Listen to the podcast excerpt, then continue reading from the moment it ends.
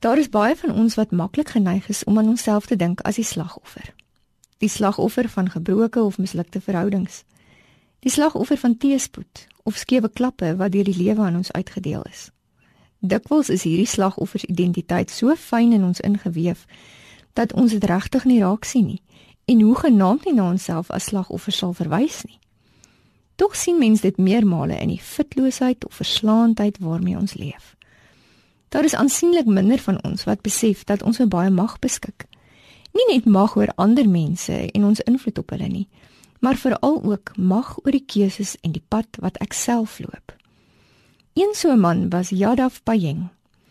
'n Rapsmeer is 30 jaar gelede het Yadav Payeng as 'n 16-jarige tiener naby sy dorp in die noorde van Indië gaan stap en tot sy verbuistering afgekom op 'n klomp slange wat op 'n sandrif gestrand was na 'n vloed 'n paar dae van tevore.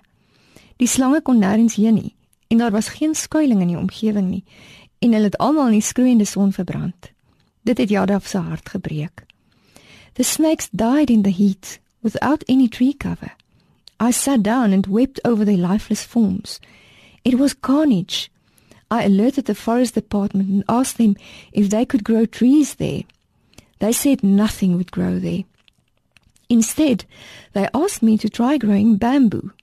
It was painful, but I did. There was nobody to help me. Nobody was interested. So vertel Payeng wat nou 49 jaar oud is. Hy het in sy beskeidenheid gou besef dat niemand omgee nie. En as hy nie bekommerd is oor die lot van die wilde diere in die omgewing nie, wat al deur die habitatverlies getuister word nie, sal niemand anders iets daaraan doen nie. Hy het begin om die saad wat hy oral opgetel het in die barre sand te plant. Dit was harde werk, veral omdat sy dorpie afgeleë was en hy soms ver moes loop om water vir sy saadjies aan te dra en hy hoegenaamd geen fondse gehad het nie. Tog het hy uitgehou vir 30 jaar lank. Hy het dit sy lewensdaak gemaak om van die barre sandrif 'n heenkome vir diere te maak en selfs op 'n stadium daarin getrek om voltyds na sy plante om te sien. Vandag, 30 jaar later, staan daar 'n woud van 1360 akker. Vandag is sy woud 'n veilige hawe vir voëls, bokke, renosters, stiers en olifante. Hy het selfs 'n kolonie mure daar hervestig. In 'n ander land was Jaraf dalk 'n held, maar in Indië word daar nie veel van hom gemaak nie. Tog is sy grootste nalatenskap die lushof waar hy nou bly en die wye verskeidenheid van diere wat hier tuis te vind. Die woud en die diere is sy erfenis. Dit is vra mens, waarmee is ek en jy besig? Gaan daar aan die einde van my tyd op aarde blote sandrif agterbly met 'n paar lyke wat ek agter my los? Of is ek besig om 'n ongenaakbare wêreld saad vir saad in 'n leefbare lewegewende plek te omskep?